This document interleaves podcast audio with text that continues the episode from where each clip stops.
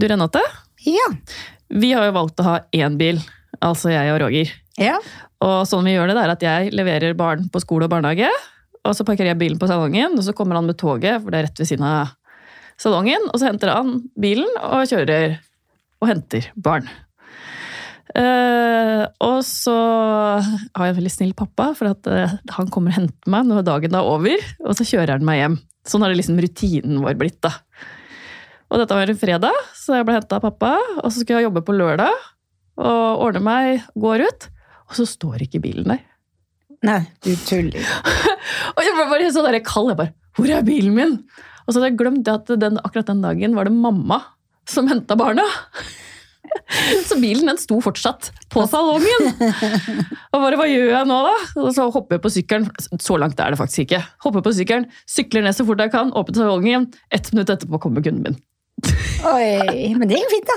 Det gikk fint! Ja, du fikk jo trim, da. Det Ja, ja, det gjorde jeg òg. Frisk, frisk luft og alt. Og det der sjokket når du kommer ut med liksom bager og alt, og så bare Hvor er bilen min? Å, det går ikke an. Nei. Nei, nei. Det er stress. Det er, det er livet vårt, det. Vi er gode på å håndtere det, da. Det er sant. Mm. Velkommen til Hårpodden. Jeg heter Renate. Jeg heter Ann-Marit. Ja, Marit, hva skjer i ditt liv om dagen? Du, I går så var jeg på opplæring med Blomdal. Ja. For det er jo nevnt tidligere på den, men i går så hadde jeg opplæring. Så nå er jeg hjemme og bare øver på teknikk og ord. Okay. Så det er litt altoppslukende om dagen. Så nå har alle barna huset høl i øra? Ja, ikke sant? Og naboens barn òg? Til og med i nesa. Nei da. Det er kø. Nei da. Nei, nei, så det er eh, det som skjer i mitt liv. Hva med ditt liv? I mitt liv, der skjer det jo noe hele tiden, føler jeg. Og akkurat nå så det er jo bare hår, hår, hår. Jeg har jo bare vært en uke på jobb, og det, det smalt, altså. Fytti rakkeren. Også så gøy. Mm. Men i tillegg så har det vært mye bryllup i sommer. Og så må jeg si at jeg syns jo bryllup Det er jo kjempegøy. Men jeg har begynt å se veldig mye på hår, og jeg syns det har vært litt rart at alle gjestene, bortsett fra bu- er jo kjempefin, men jeg syns ikke alle gjestene er like flinke til å stelle hårene skal i bryllup. Kanskje de ikke veit at de kan gå til frisøren, de òg? Ikke sant? Det må jo være Gå og ta en blowdry, få inn noen spenner. Ja. Mhm. Eller tenker man da det er bruden som skal skinne, så jeg lar bare mitt henge. For man har jo fine kjoler og alt. Kanskje det er en oppfordring til alle frisører som hører på, å reklamere litt for at det- følge kan også komme. Ja, Ikke bare tenker- selve hovedgjesten. ikke bare brud og brudgom, liksom. At man gjør en liten effort på håret, altså. Det Ja, jeg. du er så enig.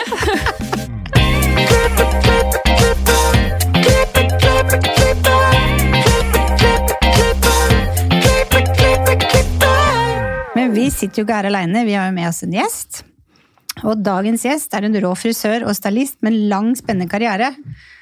Han har i også tillegg frisørcoach med en Instagram alle frisører burde følge. Men i dag skal vi snakke om bransjeoppvask, som han selv har kalt det, og hvordan, hvordan han kommer med råd og løsninger. Velkommen tilbake, Lars Eitran. Tusen hjertelig takk for å få lov å komme tilbake. Spennende det du formidler. Ja, det har jo, det har jo tatt, eh, det har tatt helt av, virkelig. Jeg kan ikke sette noen annet ord eh, på det. Eh, En sak i hjembyen min blåste opp nå tidlig i sommer med åtte ansatte som sa opp eh, kollektivt i en velrenommert frisørbedrift, og, og enkelte av de rykka ut eh, til media. Jeg ble bare tipsa av mor mi om at den saken her var kommet, og så var det Først kom det én notis i avisen som var ganske sånn så som så, vel mer sånn nøytral, egentlig, hvordan den gjenga saken. Og så en annen blekke. Jeg hadde gått dypere i den da, og jeg ble forferda over hvilke ting som, som kom fram der. Men hadde du trodd liksom det at du skulle få så mye oppmerksomhet rundt det? Jeg må begynne med å spørre om det. Ja, altså jeg har jo, Nå er det jo bare litt over et år siden vi hadde en kjempesak som blåste opp i denne byen, eh, altså i Oslo, da, for de som ikke sitter her i byen. eh, På en en annen velrenommert bedrift hvor flere ansatte gikk i media for å få hjelp. Eh, Så jeg har jo kjent litt på at eh, nå må vi snart ha en diskusjon på hvordan vi ønsker å ha forholdene i bransjen. Eh, Og jeg er utrolig for absolutt for omdømmebygging og rekruttering, og, for det er en fantastisk bransje. Men jeg har kjent, og særlig siste året nå, fordi det er flere saker som, som ikke alle kjenner til. Det har vært både i Sandefjord og kjempesak nå nettopp i Trondheim. Eh, og så blir det snakka så lite om det. Så når det her kokte opp til overflata, så kjente jeg litt at begeret det rant over for meg. Eh, og da jeg skrev et innlegg og posta på mine sosiale medier, på Instagram og på Facebook. Eh, og så delte jeg det videre der inn til eh, vår alles kjære Kun for frisører Norge. Eh, og da, da tok det helt av. Da rant innboksen over, rett og slett. Mm. Så du har fått mer kommentarer på innboksen enn det vi alle ser? Begge deler. Ja, for jeg syns Ja. det var ganske mye i Ja. kommentarfeltet. Ja, det også. er veldig mye kommentarfelt, og så er det veldig mange som ikke tør. Tør, ja, og, og, og som både ikke tør å, å trykke liker. Mm. Trykk på like-klikket på innlegget, verken på Instagram eller på Facebook. For de, og et par av de har også sagt at vi, vi er redd for at noen enten i, der vi jobber, eller noen ledere skal se det, eller ja. Eh, Men gitt veldig støtte da på, på DM. Så det, det er Jeg skulle jo ha ferie! Men da jeg satt, jeg satt med det? mobilen Egentlig hadde man liksom ikke altså At det ligger så hardt inni ryggmargen vår at vi faktisk ikke tør å trykke liker, fordi vi har frykt for at en daglig leder eller en kollega skal se at Mm. du liker noe som du kanskje ikke har lov til å like. Ja, jeg, jeg får veldig vondt i meg. Mm. Altså, jeg er utrolig glad i den bransjen. Uh, og jeg har jo også skjønt at det har vært veldig mye storm rundt det, det jeg har skrevet også. Jeg hadde en leder som blant annet ringte meg og sa at uh, jeg er ikke imot meg, vil du må bare vite at du har laga skikkelig mye storm. Og da måtte jeg bare le, faktisk. For da måtte jeg si at ja, det kan godt hende at jeg har laga storm, men jeg hører veldig Du lite. har ødelagt lunsjen for mer enn én frisør. Ja, men Vi må ha litt humor Ja. på det, og jeg mener det. Eh, altså Jeg ble oppdratt til at det er helt ok å snakke om ting som ikke funka. Eh, og det var jo noe som Kanskje nordpå ser vi litt altså når jeg kom til Østlandet i 2005, så skjønte jeg at det er ikke alt man kan snakke om direkte. Og noe må vi gå litt rundt grøten på, eller pakke litt inn i silkepapir. Men nå opp igjennom så opplever jeg at også kulturen her sørpå er blitt mye mer sånn Vi setter pris på en, en, en, selvfølgelig en konstruktiv samtale på, liksom, på utfordringene vi har. Eh, Men også det der å fokusere på det positive og, og løsningene og resultatene vi også ønsker ut ifra å ta de utfordringene. da.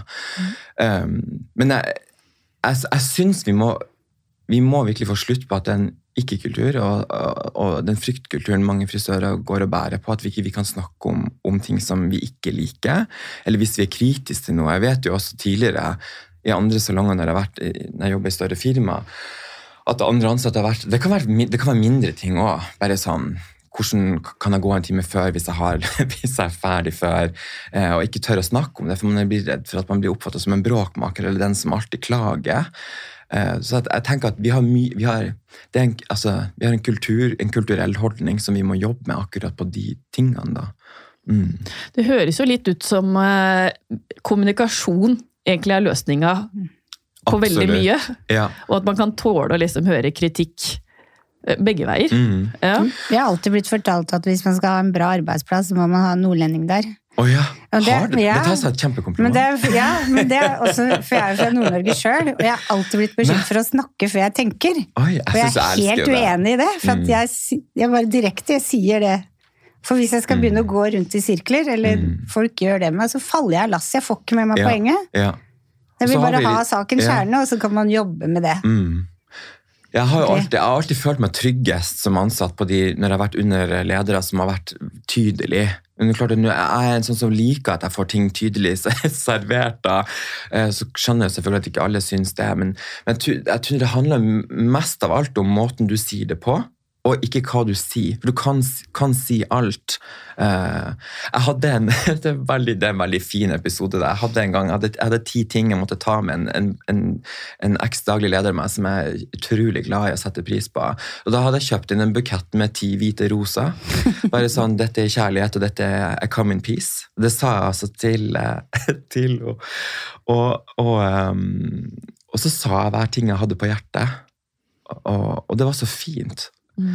Jeg tror også mye av det der om å Hvis vi skal ta nei, slå, hva jeg skal si, ta livet av en sånn fryktkultur på det å snakke om ting som ikke er så positivt, så tror jeg også det handler mye om at vi må også få en god erfaring og ha en mestringsfølelse på at når vi snakker om ting, så kan vi bli hørt, ikke dømt for det. eh, og at vi tar tak i det. Og Det er jo, det er jo eneste måten vi får ting opp og fram. Altså, det er sånn bransjen har blitt til det den faktisk er i dag. Uten tvil.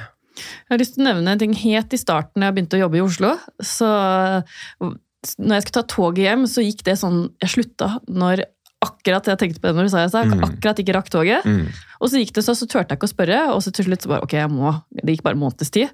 Og så spurte jeg liksom, bare, du, toget mitt går sånn, er det mulig at jeg kan gå i kartet før? Mm. Ja, kjære deg, har du ikke, har du ikke spurt før nå? Fikk jeg Mm. liksom eh, til svar. Ja. Så sa jeg måtte bare spørre. Det var ikke verre. Mm. Og det er sånn med mange av de sakene som, altså de tipsene som kom inn, og også noen av de tingene som ble delt i kommentarfeltet, eh, altså særlig de som var på, på DM, da, på direktemelding, vi var liksom opptatt av at vi ikke at det skal komme ut hvem som har sagt det, eh, og, og, og det er også viktig å få sagt her i denne saken, at det er ikke så, for meg, det er ikke så viktig hvem som sa og gjorde ting, fordi at Målet er ikke å drive og henge ut en bedrift eller en leder eller en daglig leder, hvis det var det, eller hvem det måtte være. Men det som er viktig her, er jo å kunne ta opp, altså ta opp det vi har en kollektiv utfordring på. Ansatte som ikke tør å ta, å ta opp ting som er beklemt. Eh, ikke kultur på ja, store firmaer som ikke ønsker at eh, frisørene sine skal organisere seg, bli medlem i et fagforbund. Eh, og, og, og det, det å Jeg tror jeg lo litt sånn trist i meg når jeg, igjen på endt antall, antall gang da måtte si til folk som sendte meg DM og kom med betroelse at eh, jeg skal selvfølgelig ikke legge ut noe om hvem eller hva, og, og, og jeg skjønner at det her er en veldig påkjenning, og saken er dessverre ikke unik. Det, det går igjen. Og det, ingen, det har vært fra alle deler av landet. Det har heller ikke vært sånn at noen deler av landet har skilt seg ut mer eller mindre. Eh, det var jeg òg veldig overraska over. Mm. Men kunne man liksom da som leder i en bedrift snu på frykta ved å ha ansatte som er fagorganisert? Jeg tenker at Det er jo ikke en frykt, det er egentlig en gave, for du får en ansatt som bryr seg om sin arbeidsplass og sitt ve og vel. Mm. Det er jo ikke noe man Jeg er medlem der, nå skal vi krige. Det er jo Ja, ikke det. Du, er, du vil bare sikre arbeidsplassen din, og det er jo egentlig positivt, er det ikke? Utrolig fint poeng at du kommer med det og spør om det, Renate. Fordi det, eh, og det var en så utrolig fin ting. Eh, Jeg hadde, det er flere eh, ledere og eiere som har ringt meg og, og som også sendt DM. da, og, og takker for at det er utrolig bra at dere tar opp den saken. Eh, vi har veldig gode til- eh, erfaringer på at både eiersida er organisert, og også at ansatte og, og disse som kom, kom på en måte fram til meg da, sa at vi, vi oppfordrer alle ansatte til å organisere seg, fordi at det vi ser er at det, det blir så mye mer ryddig. Sykefraværet har gått ned, det er gjenganger i hos alle. Alle slapper av med at her er det ikke noe, vi trenger ikke å holde noe tilbake, vi kan snakke åpent ut. Og, og en veldig velrenommert bedrift som hvor igjen, vi nevner ingen navn, fordi det, her er ikke viktig hvem som har sagt hva eller gjort hva. eller gjort. Eh, men eh, det var også veldig kult å se at en, vel, en velrenommert, anerkjent eh, bransjebedrift også eh, tok kontakt og sa det at vi, vi har veldig gode erfaringer på når begge parter er organisert. For hvis, hvis det er noe vi lurer på, så enten ber vi de ansatte om å gjøre det, eller så ringer vi NFB. Eh, og, og de opplever at det er mye, mer, det er mye mindre sånn støy, altså sånn, dra, sånn såkalt sånn bakromsdrama. sånn som jeg tror vi alle kjenner igjen. ikke sant? Og, å, han sa det, og hvorfor det, og det er urettferdig, og hun fikk lov å gå en time før. og det blir mye mer ryddig. Eh, og, så har jeg også, og det er ikke til å stikke under stol at jeg, har jo, jeg er jo organisert sjøl. Jeg har vært i mye kontakt, jeg har mye politiske kontakter. så Jeg har også snakka med, med folk som har mye erfaring på området, eh, som er gode på å løse konflikter hvis det er en konflikt. Det er ikke alltid det blir en konflikt. Og, og hele målet med organisering av begge parter er jo at man tar ting Det blir ryddigere, og man slipper at det blir en svær sak av det. ikke sant? Jeg tror også i forhold til det du spør om, Renate, da, så, så jeg tror det er veldig mange myter. øh, fordi frykt ofte byg, bygges på myter. Da blir det sånn og sånn. Og, og det er jo ikke sånn at eh, fagforeninger ønsker å gjennomføre en, en, en krig, eller at eh, man eh, hva skal jeg si, eh, man lager bråk for alt mulig. og Veldig ofte så sier de også at vi må jo ofte realitetsorientere medlemmene våre på dette har du ikke krav på, eller dette kan vi fint ta, men da må vi gjøre det sånn og sånn og sånn. Så, og det er også opplever oppleve de lederne som har kommet fram i de her historiene, at når fagforeninga kom inn i bildet, så ble det så mye ryddigere å forholde seg til de ansatte. Fordi de fikk råd på også hvordan gjør vi dette riktig, som en prosess. For, for bare si for de yngre lytterne som hører på, så er fagforeninga for de ansatte, NFUB, det er for lederne. Vet du, jeg, tenkte, jeg kjenner igjen det du sier, for jeg, var jo, jeg, var, jeg er jo leder nå, men jeg var leder i et annet salong før. Og der fikk jeg spørsmål om hva tenker du hvis vi melder oss inn i fagforeninga. Og så sa det syns jeg er kjempefint. Mm. Da bryr dere dere om arbeidsplassen Mm. deres. Mm. Så gikk det et par uker, og så fikk jeg, da var jeg på vei til jobb, så fikk jeg telefon fra jentene, og da var de helt hysteriske. 'Unnskyld, unnskyld, vi må snakke om noe når vi kommer på jobb.' Så jeg bare 'ja, jo, det er greit'. Og så har da fagforeninga vært der, og tatt, for da har de fått tre nye medlemmer, da, ikke sant? Oh, ja. Tatt bilder i salongen. Ja, ja. Og det opplevde de som sånn Herregud, nå havner vi i bladet til fagforeninga, dette var ikke det vi ville, og nå blir det blåst opp overalt. Så sier jeg, men det har jo ikke noe å si. Altså, det er jo ikke noe farlig det, men det sier litt om hvordan det sitter inni oss, at vi melder oss inn i noe. Mm. Sånn. Mm. Ja. At du er redd for det, for Ja. du skal jo ikke være redd for det, egentlig. Og her er det jeg tror er veldig sakens kjerne. For jeg tror folk tror at det får så negative konsekvenser. Ja, det var det du Men trodde. tilbakemeldinger fra de som ikke er frisører, som følger, og det har vært, jeg har fått så mange nye følgere. Så mange nye følgere. Eh, Og en storm både i kommentarfeltet og på DM da, fra folk som ikke er i bransjen, har aldri vært i bransjen, de har ikke hverken jobba for et brand eller vært educator eller, eller tatt i i sak sjøl, bare vært kunde. Så utrolig bra, og det er enstemmig fra alle. Det er bare så utrolig kult at dere tar den praten på det og organiserer, for det viser jo bare at man ønsker å ta seg sjøl seriøst, ikke sant? og at man gjør det ryddig. Så jeg opplever at det er, blitt, det er bra PR. Altså det, det, det er veldig bra PR å, å gjøre det, og, og gå ut i det bladet, at begge parter er organisert. Mm. Jeg fikk et spørsmål, jeg må bare, det må jeg synes også var morsomt. da. Jeg fikk et spørsmål fra en eier om jeg var imot eiere, nei, ledere og, og, og firma, eller altså eiere. Så sa jeg hvordan i all verden kan jeg være det? Jeg er jo både, er jo både leder og eier sjøl. Um, og, og det er overhodet ikke saken. Jeg, jeg vet jo også det at uh, Nå er det sånn i, i frisørbransjen at 80% cirka av eh, eiersida, altså de som eier og driver eller daglig ledere, de er organisert i NFB. Eh, og så er det 25 cirka av, frisør, av de ansatte frisørene på gulvet som er organisert i, i frisørenes fagforening. Men det, jo flere som er organisert både på eiersida og på ansattesida, jo ryddigere blir bransjen, for vi får mye større, altså sterkere politisk påvirkning. Og sånn som under pandemien, så vi hadde vi ikke hatt de som faktisk var organisert, og hvis vi ikke hadde hatt Frisørenes fagforening og NFB, så, så hadde altså, the aftermath av pandemien, jeg tror vi hadde kommet ekstremt dårlig ut. Så, og det er også utrolig viktig å si at eh, grunnen til at vi takla den pandemien så bra, det var ene og alene av organisering av bransjen. Mm. Og direkte kontakt med politikere og Stortinget og regjeringa. Mm. Og så kan man jo si da, at hvis du har lederne der, og så har du de ansatte der, og hvis det skulle bli en krig, man er organisert, så er du ferdig. Mm. Hvis du ikke er organisert, så ligger du og ulmer på Ja, begge ja, ja. steder, så da har du jo krigen gående stille, med dårlig stemning over årevis. Det finnes noe som heter sånn trepartssamarbeid. Jeg skal ikke gå så veldig mye inn på alle de her. Det finnes veldig mange avtaler som er altså NFB er jo en arm av NHO, og Frisørenes fagforening er jo en, en arm i LO. Og, og den, det samarbeidsavtalen det er jo det at man ønsker å ha et samarbeid på tvers av altså eiersida og de som er ansatt. fordi at de, det de ser er at når vi samarbeider For det her er snakk om samarbeid, det er ingen krig, ikke sant, også. Men det er ofte de ordene vi velger, ikke sant, Renate? Eh, fordi det er det man har blitt, det har blitt beskrevet som. Eh, og det er ofte så mye feiloppfatning òg. Det er jo et samarbeid på å få dette til å fungere bedre. Mm.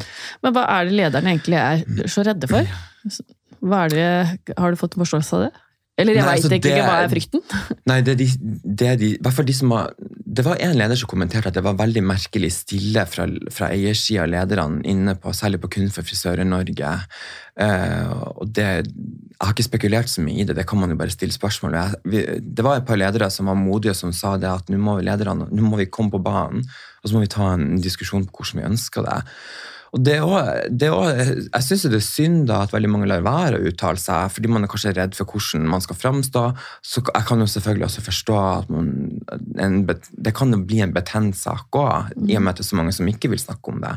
Det viser jo også at alle er så redd for at det skal komme ut hvem som har gitt hva slags tips, og, og jeg ønsker å være anonym og har vært veldig, sånn, veldig klar og tydelig på det. Men ehm, det, de lederne som har, har på en måte retta litt sånn kritisk lys i forhold til den organiseringa, de nevner jo det at, at det blir mye dyrere. Og da er det vel særlig det her med Jeg, jeg tror noen blir bekymra for hvor mye overtid blir det. Uh, Ubekvemstillegg som uh, Og det er noe alle frisører har krav på, uansett om du er under en tariff eller om du kunne på provisjon. Det tror jeg også veldig mange eh, tror at det har de ikke krav på, men du har krav på både overtid og overtidstillegg og røddagstillegg og, og ubekvemstillegg, uansett om du er på provisjon eller ikke. Eh, Men at det, at det blir så mye dyrere å ha ansatte. Ja, blir det det? Altså, jeg, jeg mener at det ikke gjør det. Eh, og så er det jo veldig mange, og så kan man jo ta en diskusjon på hvis man da ikke organiserer og rydder opp. Vi har jo også et veldig høyt sykefravær. Noen bedrifter har, og, og sykepenger koster bedriften ekstremt mye, og gjerne dobbelt, fordi du må både betale sykepenger, og bedriften går direkte i tap fordi at produksjonen stopper på den stolen med en gang. ikke sant? Um, gjengs over så er det jo mer av de ansatte som er organisert, så er tilbakemeldingene utvetydelige på at uh, produksjonen går opp, trivselen går opp. Man får ned den, uh, hva det heter, både alder for exit og også turnoveren på ansatte. da. Uh, Så det er jo utrolig kult, og, jeg at det er jo lønnsomt. Da bygger man jo en bedrift bærekraftig også, og langsiktig. For det er jo sånn som vi jobber også, men når vi investerer jo så mye i et lokale, også, så må man jo tenke lange linjer. Det er jo ikke en pop-up store. ikke sant? Og, så, og det beste det jeg opplever jeg også, og heldigvis er det alle firmaene jeg har jobba i, så har det vært seniorer som har jobba i 30 år pluss. og Jeg ønsker, jeg sier jo på fleip, men jeg mener det. Jeg har lyst til å så klippe til jeg blir 96. Ja, ja. Mm, uh, ja, jeg er så med på det, og, og jeg får helt gåsehud, for jeg vet at alle vi her tre uh, mener det også. Uh, og jeg, um, og jeg, jeg får veldig vondt i meg, det er veldig mange som slutter før tida. Eh, og det var, det kjenner jeg, det er faktisk litt sånn, det er litt, det er litt rørende å dele også, for det er, var x antall frisører som har jobbet 20 år pluss, som sa at eh, jeg har dårlig samvittighet, for jeg må bare si det. Tusen takk for den jobben du gjør. Og jeg, jeg klarte ikke mer. Det var, jeg elska jobben, men arbeidsforholdene tok, det, det tok knekken på meg. Liksom. Jeg ble så sliten av den kampen. Mm. Og det, og det syns jeg at eh, vi må snakke om det også for dem som For, oss, for alle de som, som ikke har det så fantastisk, så tenker jeg det at eh, jeg syns vi gjør dem urett ved å ikke ta det opp. Jeg tror arbeidsgivere ofte Det er bare hva jeg tror, da. Mm. Når man tenker på at det er dyrt, så er det den pensjonsordninga. Mm. Og så er det det at du ikke kan fastsette en sum på heldagsgodtgjørelse. Men at du må ta et snitt av de tre siste måneders Mm. lønn. For det er jo klart at da vil jo den stort sett Ja. bli ganske mye høyere. Ja. At det er da- det suget da, som blir borte. Mm. Og da tenker jeg at da er jo Diskusjonen er jo ok, da må vi snakke om de X- og Y-faktorene som gjør at drifta blir usikker. Eh, Det det er mer det som vi burde snakke om, heller enn ikke-organisering. Vi må ikke ha organisering. Eh, Det jeg også så nå når jeg For jeg var innom mange firmaer som ga tilbakemelding og kom også med, med også stilte spørsmål ved at vi, vi er redd det blir veldig dyrt. Og det jeg ble kanskje mest sjokkert av da, det var jo det at jeg ser at eh, på østlandsområdet så ligger vi bra i pris, særlig Oslo, og det begynner å komme seg. Men generelt i Norge, så jeg fikk litt bakoversveis av at det ligger så lavt. Det mener jeg faktisk. Så jeg tenker også at i den diskusjonen her, så må vi faktisk vi må få prisstrategi. Eh, Det må vi få på dagsorden i aller høyeste grad. Og så syns jeg at vi faktisk kollektivt En ting er konkurranse, men jeg synes faktisk vi kollektivt skal begynne å sette en litt sånn Vi må ta en åpen diskusjon på hva bør varene og tjenestene våre egentlig ligge på. Ikke sant? Jeg hadde en utrolig uh, dyktig salong på, på Coacher for en liten tid tilbake. Og, og da ga jeg dem også den tilbakemeldinga, enda de ligger litt sånn ute i periferien, så de på en måte rettferdiggjorde sin lave pris på, på at de, ja, men de lå så langt utafor by, bykjerna. Så spurte jeg bare sånn, hva rørleggeren tar, liksom. og da viste det seg jo at rørleggeren deres tar jo like mye som, som de gjør i byen her. Så tenkte jeg, men i alle dager, liksom, det går jo ikke an. Ja, de hadde aldri tenkt på det sånn. Og det tenker også det at eh, vi, snakker, vi snakker om pris, og du må ta det du føler du er verdt. Da. Men vi har jo ikke noen sånn konkret strategi på hva bør det ligge på. ikke sant? Eh, det syns jeg er utrolig viktig. Og det er òg en sånn myte og en usikkerhet. På, det skjønner jeg veldig godt at eierne òg ok, Hvis jeg skal gi ut enda mer av bunnlinja i forhold til røddagstillegg og ubekvemstillegg og pensjon, hva er det igjen å betale regninga av? Og da må vi da, da tenke at det er den usikkerheten vi må ta tak i. Da er det det diskusjonen burde dreie seg om, heller enn en at, at vi ikke skal ha organisering av bransjen. For, tror du mye av det For det er jo ikke super rekruttering til bransjen vår, og det har jo vært lønnsrelatert lenge, og at man skal være mer akademik, akademikere. Men tror du også noe av grunnen til det her er at veldig mange velger å ikke være ansatt, men starte for seg selv? Både ja og nei. Ja. Det, er et, det er et veldig eh, For det delikat også er jo et spørsmål. betent spørsmål. Ja, men det skal vi snakke om, og det, det er så, så bra at vi snakker om det. Jeg tror at Når det gjelder at rekrutteringa stuper, så er det jo altså sånn, bare for å gjøre, Historisk sett så, så er Norge ikke noe unikt i at når man har en litt sånn økonomisk nedgangstid, og dette gjelder alle fag, eh, så ser vi, og dette vet jeg også for at jeg jobber med undervisning også, eh, så ser jeg alle, særlig alle kreative sko, altså linjer, om det så er folkeskole eller om det er videregående, design, eh, alle kreative bransjer da, de opplever at det er nedgang når det er økonomisk nedgangstid, og da er det de akademiske fagene, eller de merkantile, de som driver med, på måte mer med drift og kontorvirksomhet, eh, ja, digitech, de går opp, for det blir oppfattet som en mye tryggere eh, bransje. Liksom tilbake til spørsmålet ditt, Renate, så tror jeg også at noe, vi, har høy, vi har en veldig høy turnover. Vi har en, en gjennomsnittlig exit-alder på 31 år. Den, den er ikke høyere enn det, dessverre. Jeg skulle ønske at den var mye høyere. Sykt. Det er sykt. ja, ja, ja og, men det er, det er tallene, det er UDIR. Du finner tallene der. Det, er- det er offentlig informasjon også. Um, og det, er- det er en stund tilbake jeg tok det med den jeg tok det og snakka om det på sosiale medier. Da var det veldig mange, det var særlig jentene da som og det synes jeg var så bra. Jentene tok til orde. Eh, ja, det synes jeg ikke var noe rart, for det er veldig ofte da man velger å stifte familie.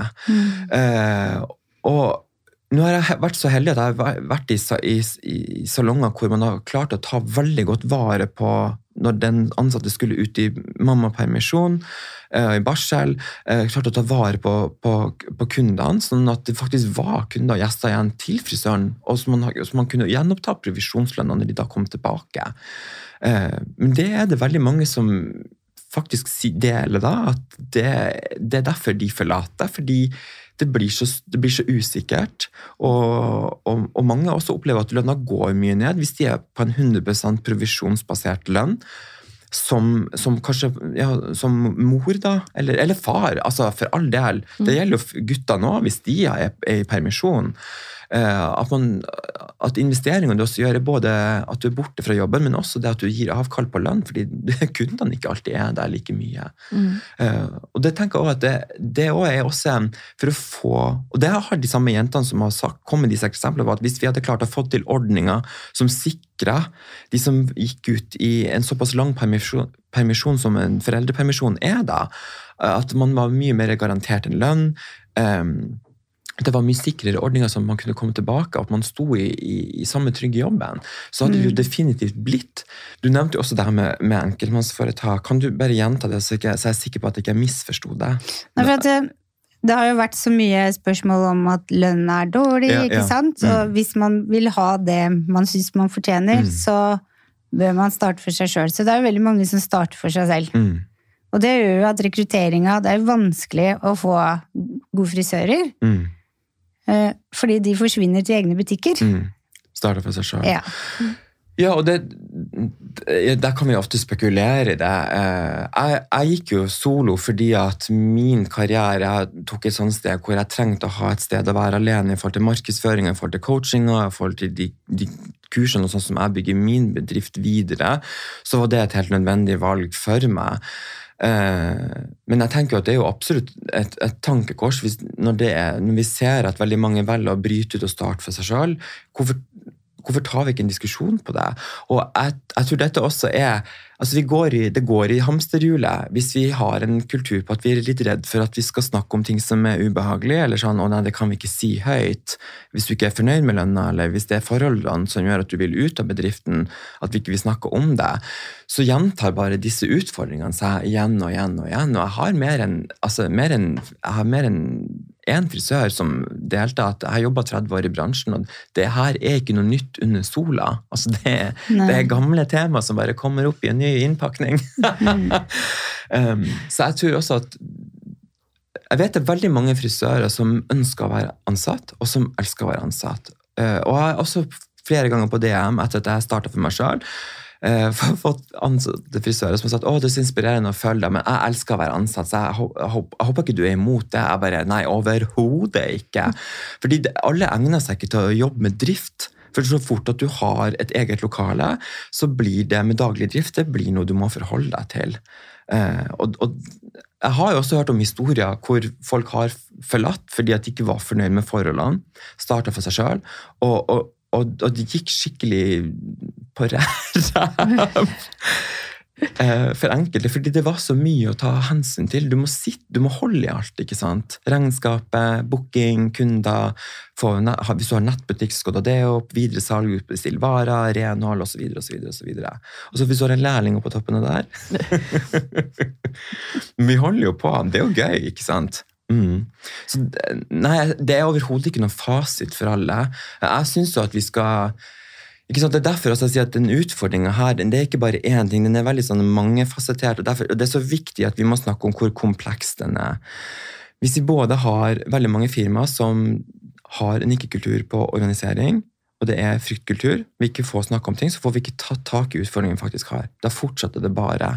Og rekrutteringa tror jeg også stuper, dels pga. at vi er inne i den tida vi er inne i nå, men også dessverre fordi at andre som har slutta, forteller jo om sine kjipe ut, altså, opplevelser. Eh, og jeg tror den beste rekrutteringen den starter med, med oss internt i, altså i bransjen vår og hva vi forteller og deler med til de vi har i stolen, og de vi jobber med. Og, og når vi har utplasseringselever, eller nå heter det jo ikke elever lenger, nå heter det jo studenter. Utplasseringsstudenter hos oss, og det, det er det som smitter virkelig blir eh, word of mouth. da, At man, det er en kul bransje å være i. Mm. Mm. Hva ønsker du at eh, denne bransjeoppvaksen skal liksom utgjøre? Har du noe mål, liksom, hvis jeg kan kalle det det? Mm. Ja. Nei, altså, først og fremst så syns jeg at vi skal ta av oss den der frykta. Altså, tør å kle oss litt naken. da, At det er ikke farlig å, snakke om de tingene som er, eh, som er utfordrende, som er betent. Eh, mye av frykta går jo også direkte på omdømmet. Og det jeg opplever etter at vi, at vi tok tak i det her og vi har snakka om det, så er det det at folk eh, hegner veldig om og heier på at vi tar en opprydning i bransjen. De syns det er utrolig kult, og at det vitner om at vi er veldig seriøse. Så jeg opplever bare at frisørbransjen blir populær, mer populær hos de som, som ikke er i bransjen, eh, ved at vi faktisk er ærlige på det. Og en sa at det her er jo omdømmebygging i praksis. Det er jo det at man faktisk tar tar den ja, Jeg er ikke så glad i å kalle det kampen, da, men tar den diskusjonen som det faktisk er. Eh, og så syns jeg vi skal få mye mer åpenhet. Eh, at vi kan snakke om ting. Eh, og så må vi også gå i oss sjøl, det er veldig viktig. Eh, det kan ikke bare bli med bakromsprat og misnøye ansatte seg imellom. Vi må også tørre å tåle oss å ta Ja, det er ubehagelig å ta en prat med sjefen. ikke sant? Nå må vi ta noe. Eh, og det husker jeg også sånn når jeg var, når jeg var ansatt tidligere, at eh, folk kom ofte til meg fordi jeg torde å bare si, si det. Um, og det var helt greit, men jeg, for jeg hadde, en veldig, jeg hadde en veldig en god relasjon til min daglige leder, så da kunne vi ta det. Uh, men jeg sto ikke og kjefta. Jeg Nei. tok det jo opp rolig, og jeg sto jo ikke og, og så skreik over skuldra på, på kundene. Liksom. Da tok vi det ryddig, og så tok vi det i plenum. Og det tenker jeg, det er jo sånn vi må jobbe også med de tingene vi snakker om her òg. Mm. Tror du det er ordet liksom, som skremmer? Konflikt? Det er jo et negativt lada ord, liksom. Vi har en konflikt. Da, Ja, ja, for mange er jo konfliktsky, ja, sant? Ja. Det er veldig treningssak òg. Så må man oppleve mestringsfølelse på at å ta en ja, vi kan kalle det en debatt. da. Det er jo, hva er valgkamp? Skal vi snart, det er jo snart valg også. Det er jo ikke ubehagelig. Det er jo mye ubehagelig tema de diskuterer. De er bare Sant. veldig drilla på det. Og de kaster jo på hverandre. Ja, men, de- ja. men tror du ikke de går ut og tar en drink når dette er over, og Jo. klapper hverandre på skulderen og er venner? Jo, jeg har faktisk flere ministre som går hos meg, og det er det, jeg føler meg så privilegert, for jeg får lære så mye av det. Mm. Eh, de får mye tym, de, eh, de gjør og, selvfølgelig, og det er det som er så bra med demokratiet. Og det tenker jeg også at jeg synes vi må bli mye mer demokratisk i bransjen. Altså, vi må kunne snakke om ting. Eh, og de, de jobber virkelig på, altså de ministrene som jeg har hos meg, de jobber virkelig på. Jeg tar av meg hatten for det. Eh, men de er veldig ryddige på at når vi er på jobb, så er vi på jobb, og når vi er ferdig, så er vi ferdig. Eh, de også jobber veldig med at de, de går og tar en drink når de er ferdig på Stortinget. Mm.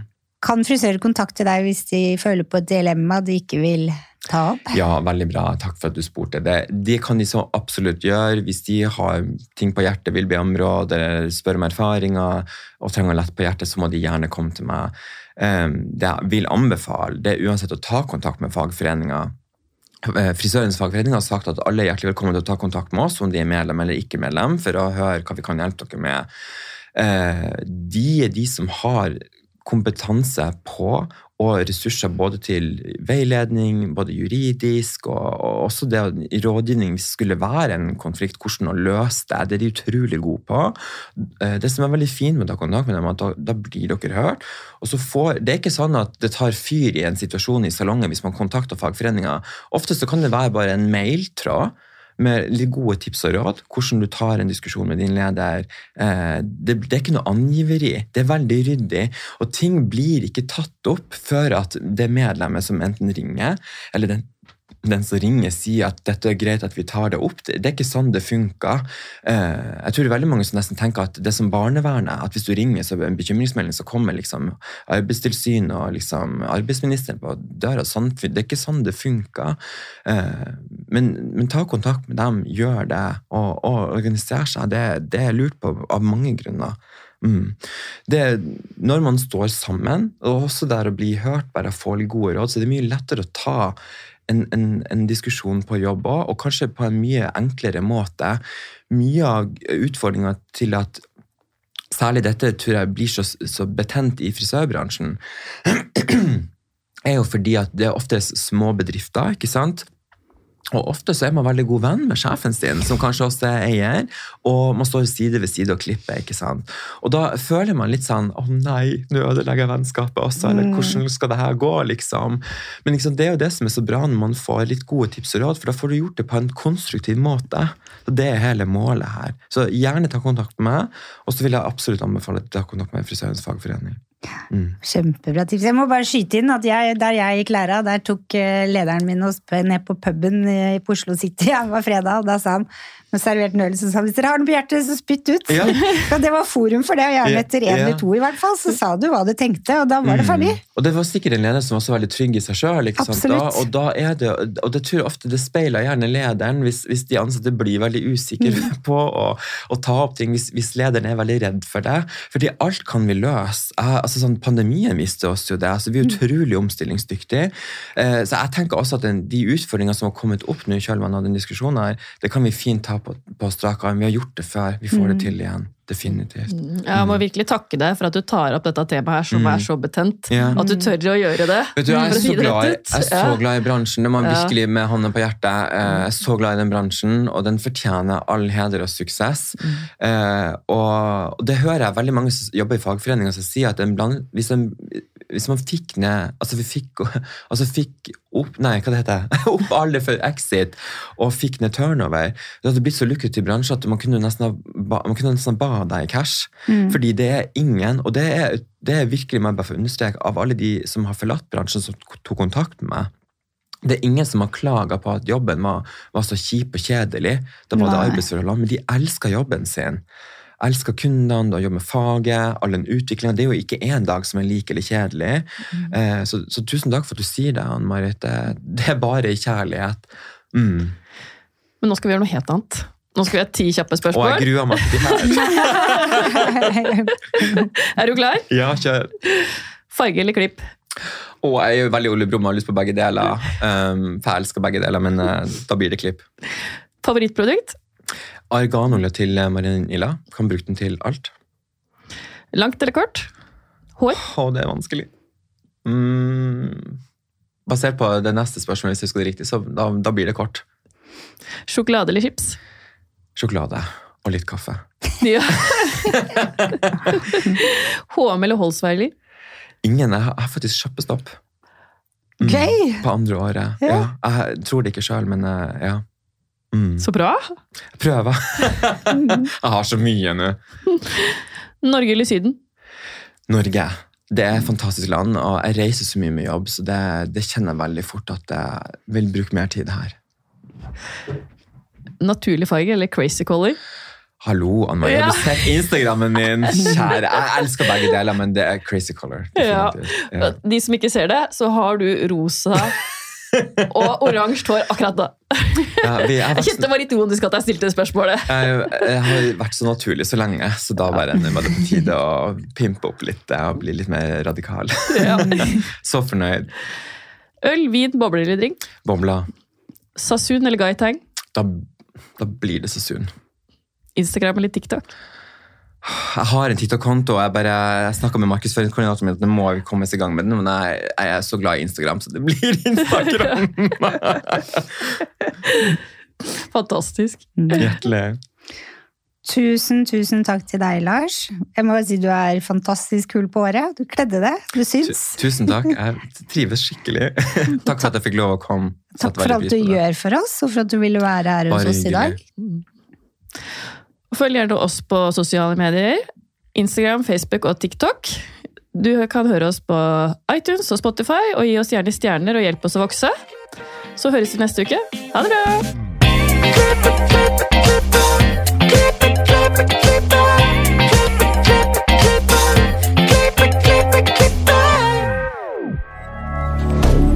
Moderne media. Har du et enkeltpersonforetak eller en liten bedrift? Da er du sikkert lei av å høre meg snakke om hvor enkelt det er med kvitteringer og bilag i fiken, så vi eh, gir oss her, vi. Fordi vi liker enkelt. Fiken superenkelt regnskap.